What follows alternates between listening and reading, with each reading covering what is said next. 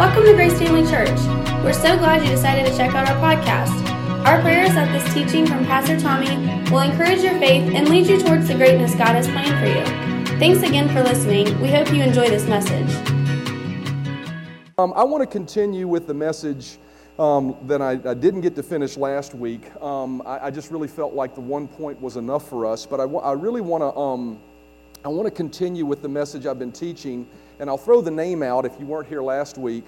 Uh, I hope the name doesn't offend you because you'll understand why I titled it that in a moment. But the, the series that I've been teaching is called Useless Gospel.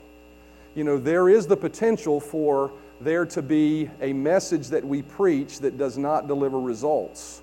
Um, and, and we want to talk about that a little bit because I really do believe God wants to, is challenging us as a church to, to rise up and be the place where people, as we sit in after worship, where people can truly encounter Jesus through us. They can touch his power, they can feel his presence. And so, Romans chapter 1 and verse 16 is the takeoff verse um, that we're using. Uh, this will probably be the conclusion of this series if I can get through it um, uh, and, and get all the points across. But Romans chapter 1, verse 16, let's read this and let's pray together. And I truly believe that this is sort of the finishing touch that God wants to put on everything He's been doing today. I really believe there's something He wants to get across to us. Romans chapter 1 and verse 16 says, For I am not ashamed, Paul said this, I am not ashamed of the gospel of Christ because. So, what that tells me, even before we pray, is this He was not ashamed of the gospel because of the words that followed. This is the reason he was not ashamed of it. Um, he, he was not ashamed of it just because he was noble. He was not not ashamed of it just because, you know, he was willing to, you know, stand for something. This is the reason he said, I'm not ashamed. He says, I'm not ashamed of the gospel because it is the power of God that brings salvation to everyone who believes, first to the Jew then to the Gentile. Let's pray before we get started. Father, thank you so much for your word. I, I, love you. I thank you so much for the privilege and opportunity to minister your word. I don't take it lightly, and I ask you to speak through me to your people as the pastor of this church. I pray that you'll take the words that I say and you'll plant seeds within each person here that will reap a harvest. I pray that we'll grow up in you, that we'll become more like Jesus, that we will continue to rise to be a church where people can find Him where they can find Him and His strength and His power to bring the freedom that He came to give all of us. I give you praise and thanks for that, Lord, in Jesus' name. Amen.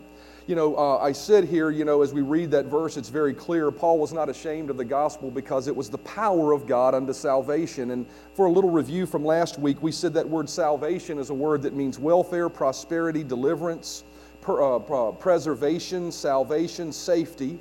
It means God's rescue, which delivers believers out of destruction into his safety. And so uh, that word salvation isn't just talking about getting saved and born again, although that is in, extremely important. How many of you realize you can't get to heaven if you're not born again? Amen. So we all need to be born again. That is critical. Amen. But, but that word is more inclusive than just the forgiveness of our sins. That word salvation means deliverance into safety. And what that really means, if you look at it from welfare, prosperity, deliverance, res- preservation, salvation. I mean, it's talking about a holistic uh, uh, uh, uh, statement of Jesus bringing you out of whatever captivity you're in. See, what Jesus came to preach to everyone was freedom. He came to preach to them freedom from whatever could hold them in bondage, freedom from sin, so that you could make it to heaven and God could be your Father freedom from depression and oppression so that you didn't live downcast and downtrodden, freedom from broken hearts that tend to sometimes hold people in a state of, of, of, of just depression their entire life.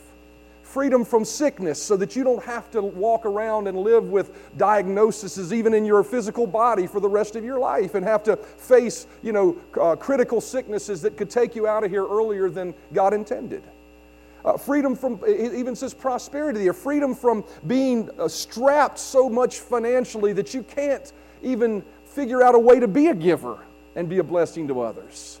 Jesus came to set you free from all of those things. And Paul said this He said, I'm not ashamed of the gospel because it has the power to actually deliver that. In his experience, where he went and when he preached, people were delivered, people were healed from sickness. people that were impoverished and, and, and, and, and struggling financially, God brought them out of a place so that they could say, as Paul did, My God will supply all of your need that I have all that I have I need of. And so, you know, Paul, he was not ashamed of the gospel because it delivered. And so we titled this message really useless gospel because what is a useless gospel? It's real simple. It's a gospel, it's a happy good news message that never delivers results. And I've said this as the pastor of this church so many times. I am not interested in tickling anyone's ears that is sitting here this morning. I love you, but I, but I want you to truly experience what Jesus came to give you. And Paul said, I'm not ashamed of the gospel because what I'm telling you actually works. And so, um, as I share this morning, I don't want to just be a person that just talks about the promises and the feel good and all of that, and we walk out of here, yay, yeehaw, and then we go back to our same lives, never seeing real change. Never seeing our financial situation change, never seeing our physical bodies get healthier, never seeing our spiritual lives become more than uh, uh an oh me, I messed up again.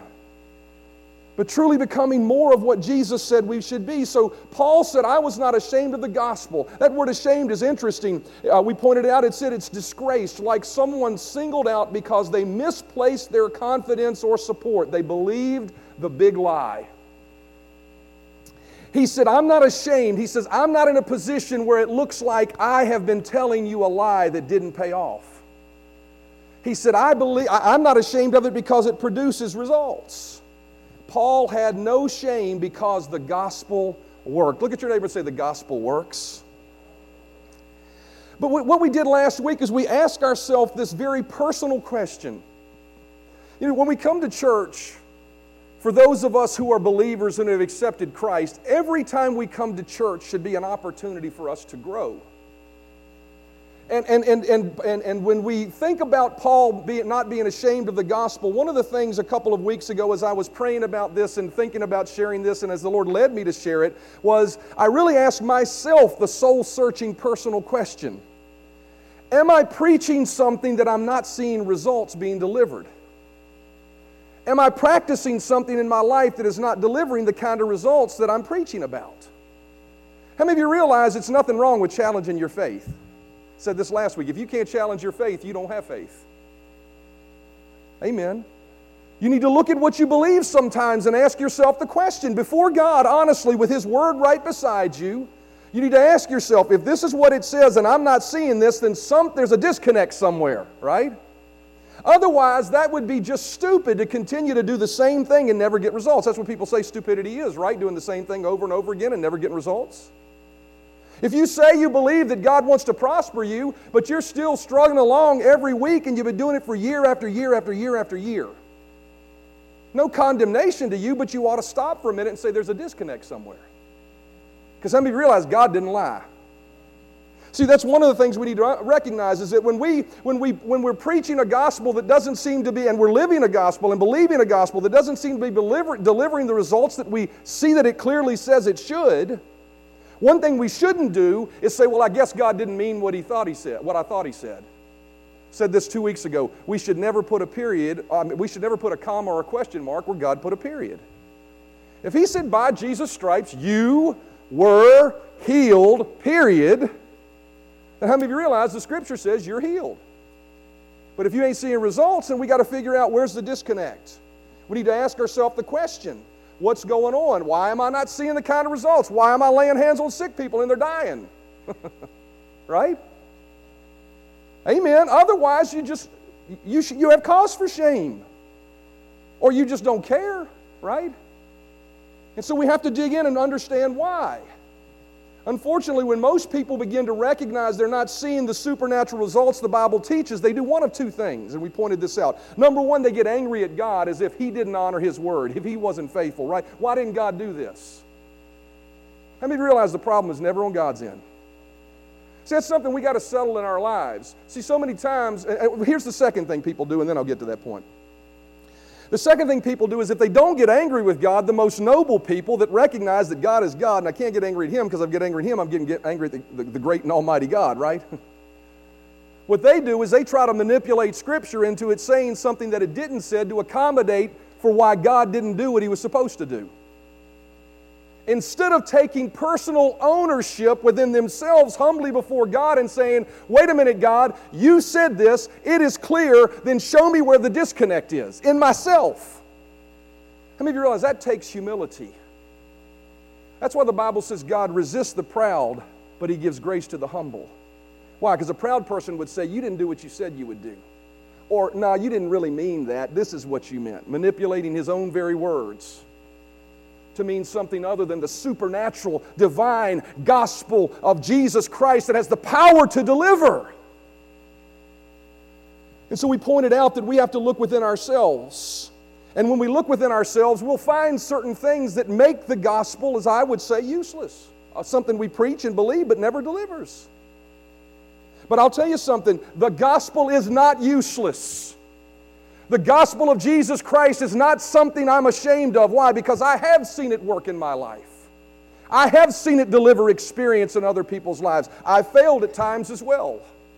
But in those times of failure, I never question whether the gospel has power. I question where I disconnected from the power so that it didn't deliver what I thought it should have delivered. The useless gospel is void of this very thing, and this is what we talked about last week, and this is what I want to get through today. A useless gospel is void of the responsibility of personal sacrifice. It is devoid of, pers- of responsibility we have on our side and personal sacrifice we have to make in our lives. What areas of sacrifice? I pointed this out last week. We're not talking about grand gestures. We're not talking about doing something that's beyond ourselves to prove that we believe God. How many of you realize when Jesus was in the wilderness, the devil came to him and he said, Hey, cast yourself off the temple to prove that God is who he says he is and you are who you say you are? Right? What did Jesus say? No, I'm not going to tempt God. So we're not talking about grand gestures of sacrifice, you know, of human sacrifice and things we do to try to prove that we really are committed and we really love God. I'm not talking about that. What areas of sacrifice are we talking about then? Just simple acts of obedience. Simple acts of daily obedience will produce the power of God in your life. We're also not talking about taking on sacrifices that Jesus already paid the price for. Said this last week if He put it on His cross, it's not yours to bear. Amen. So sickness is not yours to bear, sin is not yours to bear. You know, well, I'm just a worry ward, that's just me. No, it's not you. How many realize you're worrying he nailed to the cross? So don't be so arrogant to think you got to pull it off and take care of the situation with your own thought life. Amen. Everything Jesus took on his cross is not a sacrifice he's asking you to make or a cross he's asking you to bear. So, what is he asking you to bear? We talked last week about number one, the sacrifice of obedience and holiness. Everybody say obedience. Everybody say holiness. Now, when I say that last week, and I need to finish off a little bit of this point before I go to the next one, we need to understand up front this that we're not talking about earning God's power. See, because some people think you got to be obedient to earn it from God. But this is one truth you have to settle in your heart and understand. Jesus said, I came, and, and, and, and Luke, when he, when, he, when he actually before, actually when he came back from the wilderness and went and read the prophet Isaiah, he said, The Spirit of the Lord is upon me, and he came and he anointed me to do certain things. And one of the things he said that he anointed me to do was to actually proclaim the year when the free favors of God profusely abound. One of the things you've got to settle in your heart is when Jesus died on the cross and rose from the dead and the veil of the temple was rent from top to bottom, every blessing of God was released for your availability. It's not something you've got to earn from God ever again. It's freely yours. The power to heal, the power to save, the power to forgive, all of those powers, all of those things are available to you right now. As a matter of fact, as a Christian, you need to understand that He's actually placed those things within you. You realize right now you have the healing power of God flowing on the inside of you right now in the spirit, but you have to tap into it if you need to experience it in your flesh. You realize right now if you're living like the devil on the inside, you're the righteousness of God. You're just not living up to who you are. So when we talk about tapping into this power, we're not talking about, you know, reaching into the heavens and getting a hold of something. What we're talking about is living a life in such a way that our awareness of what God has placed on the inside of us is so real that we walk in it. that we walk in it. So, what kind of sacrifice of obedience are we talking about? Isaiah chapter 1, verse 19 says, If you are willing and obedient, how many realize, you see, some people say, well, that's Old Testament. How many realize when Jesus came and died on the cross, he didn't do away with the Old Testament? He didn't. He did away with the requirement of having to measure up to receive the promises of God, but he didn't do away with that verse. That verse is still applicable. if you're willing and obedient, you shall eat the good of the land, but if you refuse and rebel, you would be devoured by the sword, for the mouth of the Lord has spoken. So, what's he saying? He's saying obedience is required for you to experience the goodness of God. I mean, it's just practical. Think about it for a minute. How many realize if you go home and you yell at your wife and you treat her like dog poop, how many of you realize you ain't going to have a good marriage no matter how much you claim that Jesus came to give you a good marriage? Amen or on me? And all the women said, Amen, brother, you preach it. Great power in our lives, in any area of our lives, is walked into when we walk in great obedience and holiness. When we make decisions to do what God says to do. In Ephesians, we see encouragement in this area. It's a larger portion of Scripture, but I want to read it to you because I think it's applicable. It says, Be imitators of God in everything you do. Well, we could stop right there and preach for weeks on that, couldn't we? Be imitators of God in everything you do, in everything you do. Uh, my question for you is if you want to walk in the power, here, He's given us a key to walk in power. Is your everything you do. Now, I'm not saying, I'm not talking about being perfect. How many realize we can't, how many realize we're all going to make mistakes? But my question is, uh, uh, of you is this are you being an imitator of yourself or an imitator of Him in your situation? Well, that's just the way I am. Well, that ain't the way you're supposed to be. Change. Be imitators of God. That means in every situation, I need to do my very best to handle myself as God would. Oh, God, please help me. Please help me. Amen. We're all there, right? Man, I got a lot of verses to get through.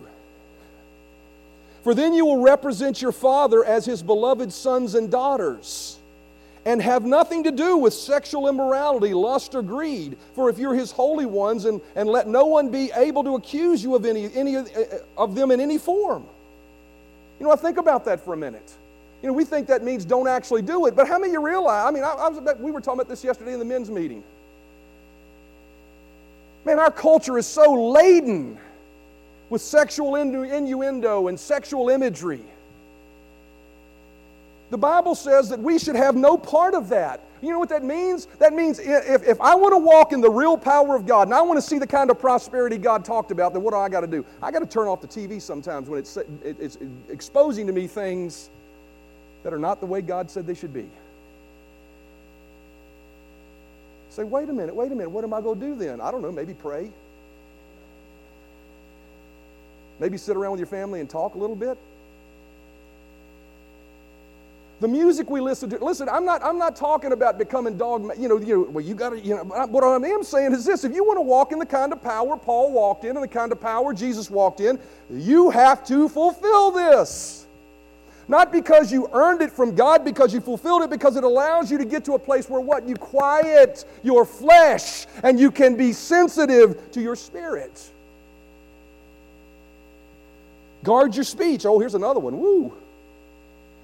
Guard your speech.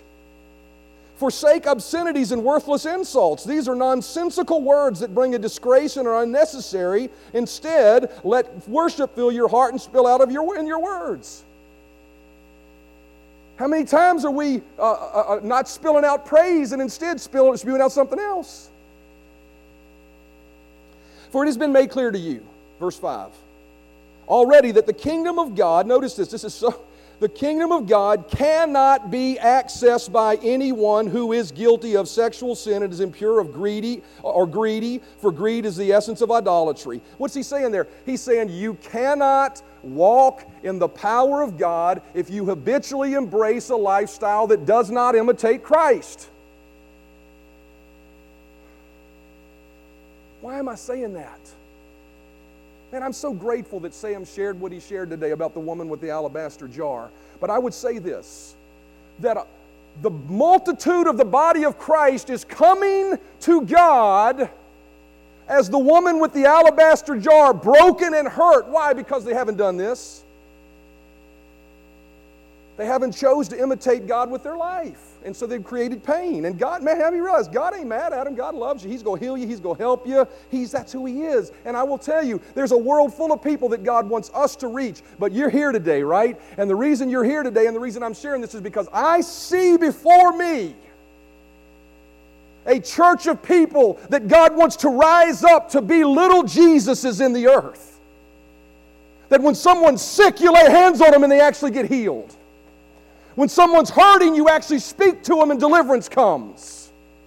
Right? He wants us to be the ones carrying the light, not looking for the light.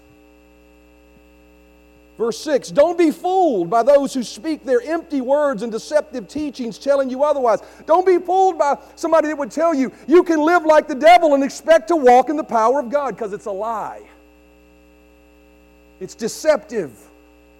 Oh, God forgives you. He loves you, brother. Then you go, He does love you and He does forgive you, but for you to be the one bringing deliverance, and even for you to want to walk in the kind of deliverance and the high places He's called us to, we must be imitators of Christ. I got to tell you, God is challenging me in this area.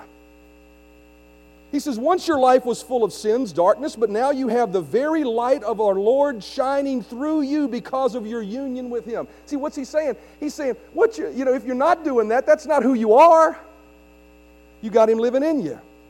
It says, Don't even associate with the servants of darkness because they have no fruit in them. Instead, revel the truth to them, or reveal the truth to them. Uh, This is why the scripture says, Arise, you sleeper, rise from your coffin and be the anointed, and the anointed will shine his light into you. See, God is, I got to tell you, I'm probably going to start a series soon called The Anointing. God wants us to be the anointed ones in the earth. Bev said it yesterday. I see myself as his hands and his feet, right? Well, if we're his hands and his feet, we need to walk in the same anointing that he walked in because Jesus is the same yesterday, today, and forever. And his gospel still has power to deliver. And he's looking for a group of people who are not willing to settle for happy promises that never deliver results. He's looking for a, a, group of people who are dedicated to say, I am going to press in so that I see the results, so that Jesus can touch people like he wants to touch people. Amen. Don't you know it breaks the heart of God when someone passes before they should? When families are broken? Don't you know it breaks the heart of God to see someone who's struggling in life and God wants us to bring that deliverance to him and he wants to do it through us? Amen.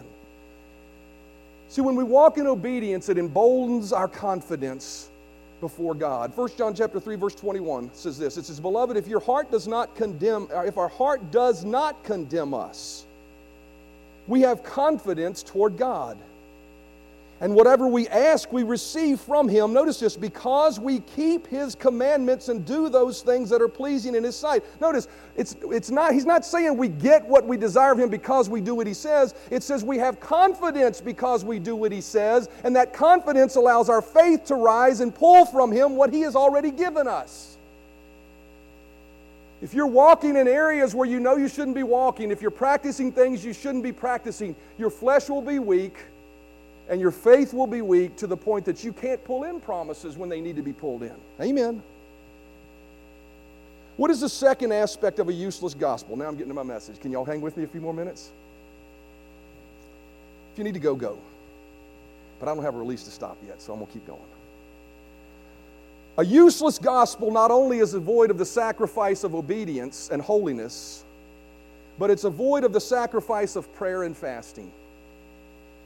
Matthew chapter 17, verse 14, it says, And when they had come, and when they had come to the multitude, speaking of Jesus and his disciples, a man came to him, kneeling down to him and saying, Lord, have mercy on my son, for he is an epileptic and suffers severely and he often falls into fire and often into the water. Now, I want you to think about that for a minute. How many of you realize there are very re- how many realize that's a real problem?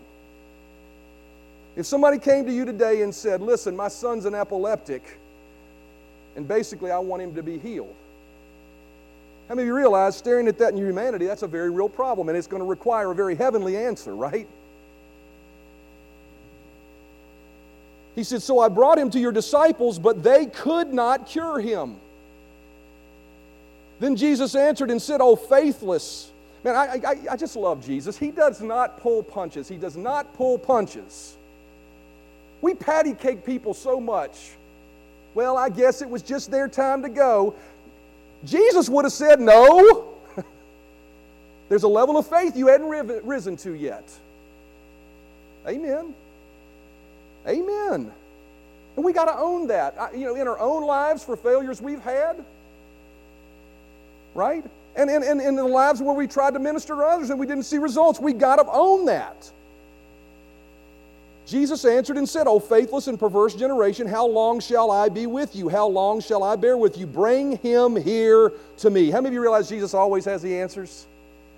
Jesus didn't say, Well, here's some mystical reason why I want him to bear this for my glory. He didn't say that, did he? He said, Bring him here to me. And Jesus rebuked the demon, and it came out of him, and the child was cured from that very hour. Then the disciples came to Jesus. Thank God they had the wherewithal to come to Jesus instead of try to manipulate his words, right? They said, Why could we not cast him out? They didn't develop a religion to say, Well, that was just Jesus, and so Jesus did that. I guess that's not for us to do. They came and said, Jesus, you told us that we would go lay hands on people, they'd be recovered. We recover. You sent us out 70, two by two, to do it. Why can't we do it? And Jesus said to them, Because of your unbelief. That's, that's amazing to me. These guys gave up their life and followed him, and he still said, Because of your unbelief. That tells me that it takes work to walk in the high places of God. Not because you have to earn it, but because you got a flesh to contend with that you got to shut up and put down.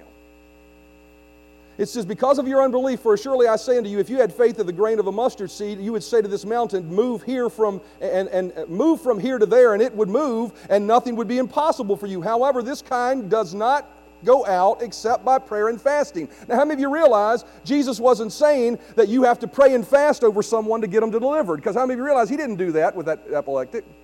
He didn't have some long seance, right? Oh, let's pray for hours and let's, let's cast this devil out. He didn't do that, did he? He spoke and it left. What he was saying was, I put in the work. How many you realize how many times the Bible says he went away and prayed while his other folks laid there and slept? He was saying, if you want to walk in this kind of power, you got to pay the sacrifice of spending some time in prayer and fasting before God. The kind of faith that moves mountains requires time in prayer and fasting. Many people want, want to overcome problems when problems arise, but have never invested the time to develop faith to move mountains. Everybody say amen or oh me. See, when we don't see results in the time of crisis, it's never because the gospel didn't work. I said this last week. It's never because God changed his mind. It's never because he meant something different. It's because we didn't work the gospel. How many have abandoned the powerful potency of the pure, unadulterated gospel because they failed to put in the sacrifice of prayer and fasting? They've settled for a quick devotional and a Facebook post before they head off on their day. And that's the extent of it for them. They've settled for revelation of years gone by instead of fresh baked bread from the current fires of the hearth of the altar of God. And what they say they believe doesn't appear to work, they point the finger at God and say he lied or didn't mean what he said. Their gospel appears to be useless.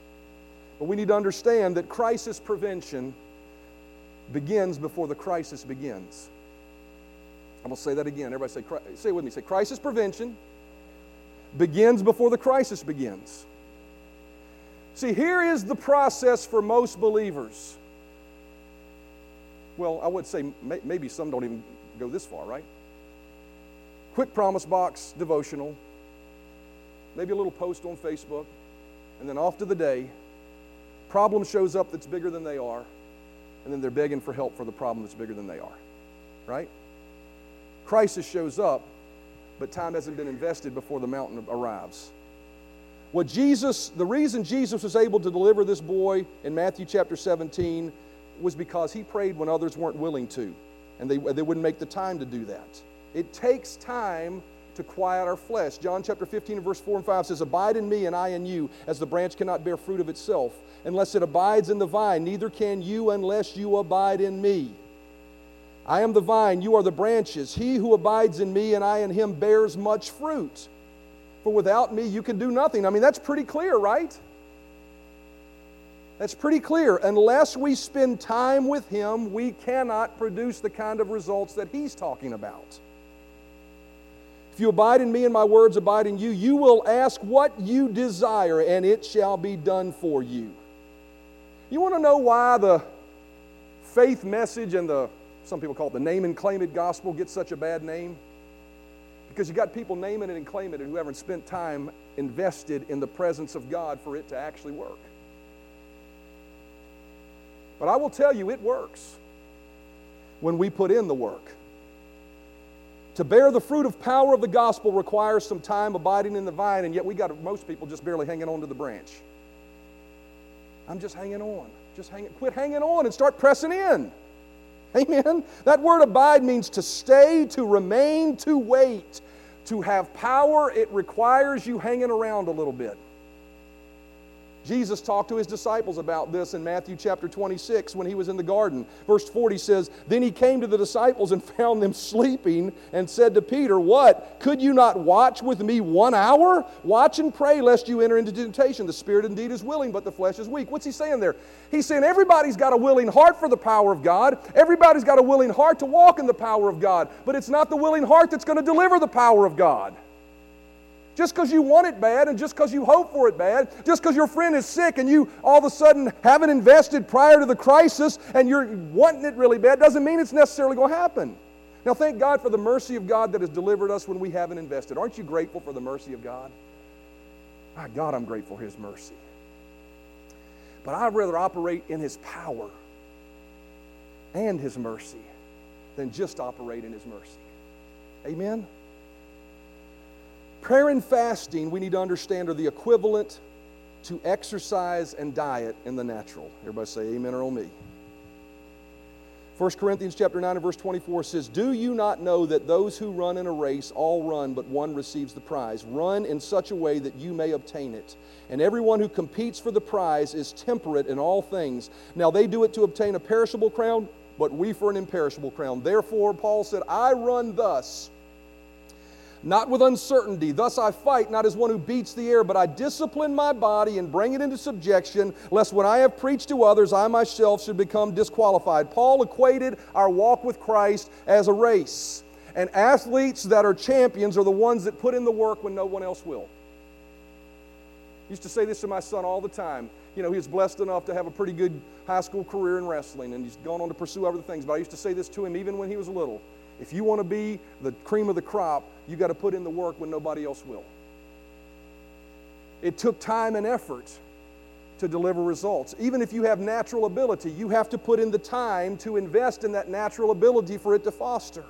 Those, I got this underlined in a capital letters, so it must be important. Those who will be unique and walk in power that truly brings deliverance will be those that have invested the spiritual equity of prayer and fasting. Champions sacrifice if they want to win the prize. What is our price? Our price that we're to pay is the investment of our time and the investment of our obedience, time and prayer. Now, how many of you realize what is the prize that we would receive? Think about it for a minute. We think about the prize in personal terms, right? I'm going to have more blessing. I'm going to have more power. And that's certainly part of investing in, the, in, in having a relationship, a deep relationship with God, so that what you believe delivers results in your own life. But the real prize, and here's what I want to get to today, and this is why I, am going to ask you just hang with me a few more minutes, even if we go a little bit longer than normal. This is the real prize. It's not what you get in your life, it's what you're able to bring to others' lives.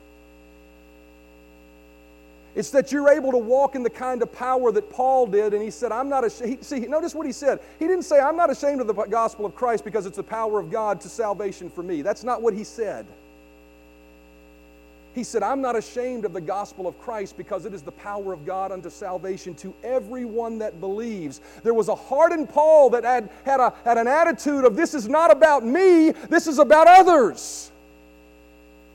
And here's the last quality that I would talk to you about today when we're talking about um, sacrifice and when we're talking about uh, elements of, a, of an actual useful gospel.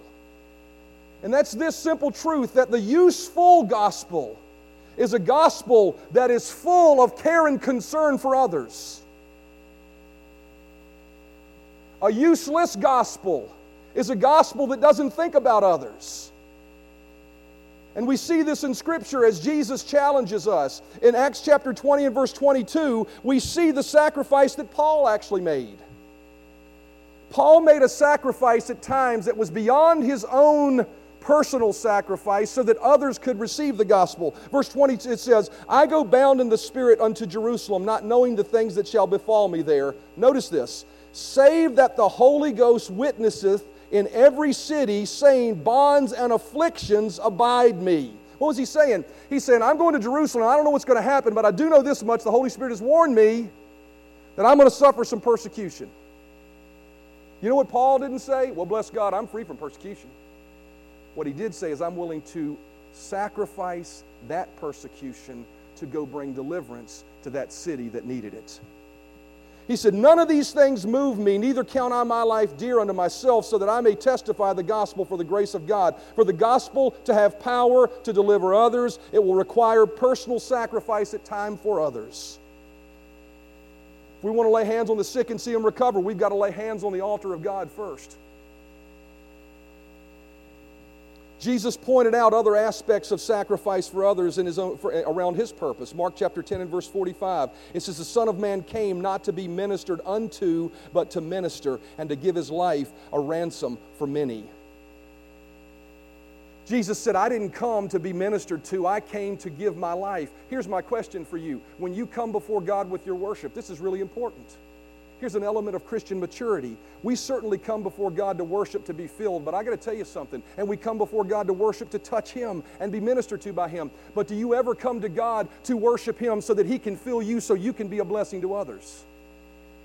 See, Jesus said, I come because I want to be a blessing. I got to tell you, I walk in here on Sunday mornings, my mindset, even when I'm worshiping, is not God help me with this problem, it's God fill me with your power. If our gospel is going to be a useless, if our gospel is not going to be a useful, useless gospel, we must be willing to sacrifice for others and serve. Sacrifice our time at times. Sacrifice our personal comfort for the comfort of others. Sacrifice our finances for the provision of others. Sacrifice time in prayer so when we pray, there's power made available. Jesus encouraged us along these lines as musicians come, but I would ask you to listen closely and don't be distracted because Here's the point of the whole message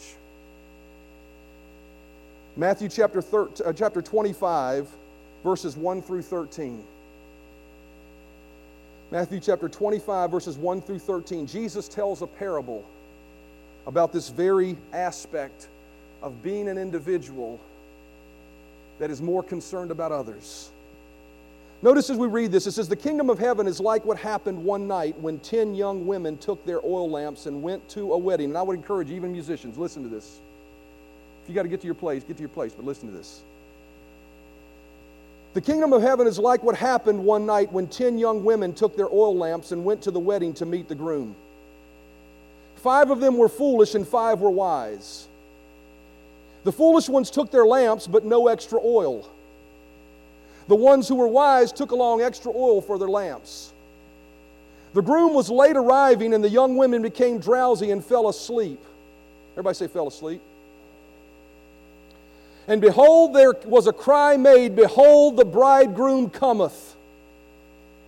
I got to tell you, as I've been preparing this message all week, I keep hearing that message Behold, the bridegroom cometh. Go ye out and meet him. When the women got, women got up and started getting their lamps ready, the foolish ones said to the other ones, Let us have some of your oil. Our lamps are going out. Those who were wise answered, There is not enough oil for all of us. Go and buy some for yourselves. While the foolish ones were on their way to get some oil, the groom arrived. The five who were ready went into the wedding, and the doors were closed. Later, the others returned and shouted, Sir, sir, open the door for us. But the groom replied, I don't even know you. So, my disciples, everybody say, So, my disciples. Who's he talking to right here in this moment?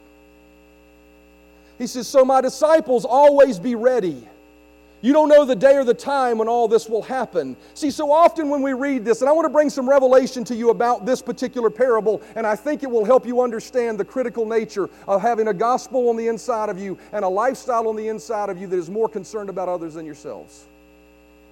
See, so many times when we read this parable, we think this message that Jesus intended was directed to the lost to tell them to be ready so that when Jesus comes back, you can actually make it into the supper, right? To the party. That's not the point of this message.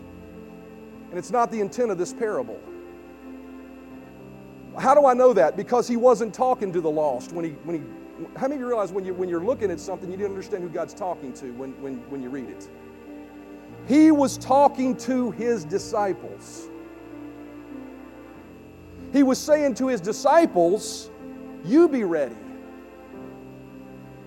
Now, was he saying to them, You be ready because if you're not ready, you won't get in? No, because there were two groups of disciples in that parable, right? There were the wise ones and there were the foolish ones. Who were the wise ones? They were the ones that had put oil in their lamps, they were the ones that had uh, even put a little extra oil in their lamps. Those were the disciples in that parable. Those were the ones that had made the wise choice to follow after him. And he was saying to those disciples, You be ready. Not be ready so that you don't get into heaven, but you be ready so that when the unwise comes asking you for oil, you don't take the selfish attitude that says, I don't have any oil to give you. See, that's the truth of the parable. What he's saying to us this morning is he's saying, don't be the wise virgin that fell asleep and didn't spend time investing, preparing, so that when someone lost and hurting comes to you, you have to say, I don't have anything to give you. Go get it yourself. That's the point of the parable. He was telling his disciples, He said, So my disciples be ready. How many of you realize Jesus said, I'll never leave you, I'll never forsake you? He wasn't telling them, You be ready or you're not going to make it to heaven. That's not what he was saying. He's saying, You as a disciple need to be ready instead of sleeping while you're waiting for the bridegroom to come. So that when somebody shows up and says, Give me some extra oil, you have to say, I can't give you any. God wants us to live our lives in such a way that we are thinking about others. He wants this church to be a beacon for Jesus, not so we can just run in and bask at His feet and receive from His presence, but so that we can actually have the power living and abiding in us in this place and where we go, so that when we say, Be healed in Jesus' name, we can say after it, I am not ashamed of the power of the gospel of Christ because it delivered the power. But I will tell you something I've lived on this planet for 55 years. I've been in ministry since I was 18 years old, and there is no way around this truth. You cannot walk in power if you don't take personal responsibility and sacrifice. If you rush around every single day doing what you do, every once in a while just thinking about Jesus, and you don't, I mean, he said to his disciples, this is what he said, I think it's really ironic because he chose an hour. He said, Can't you not tarry one hour? When's the last time you spent an hour with Jesus? When's the last time you spent an hour scrolling on Facebook? Could you give that away to spend an hour with Him? Not for yourself, but for your friend that may need you in a time of hurt. Because they haven't prepared in a time of crisis, right? I don't know about you, but I want to walk. Why? Because the bridegroom, notice what he said the bridegroom cometh. The bridegroom cometh. I sense in my heart that the bridegroom is at the door. The Bible says, As it was in the days of Noah, so shall the coming of the Son of Man be. What we saw in the time of Noah was debauchery and acceptance of sinfulness and, and, and, and everything that is ungodly as, as something we have to accept. I'm telling you, He is at the door. He is closer today than He was yesterday, that's for sure. Jesus is coming.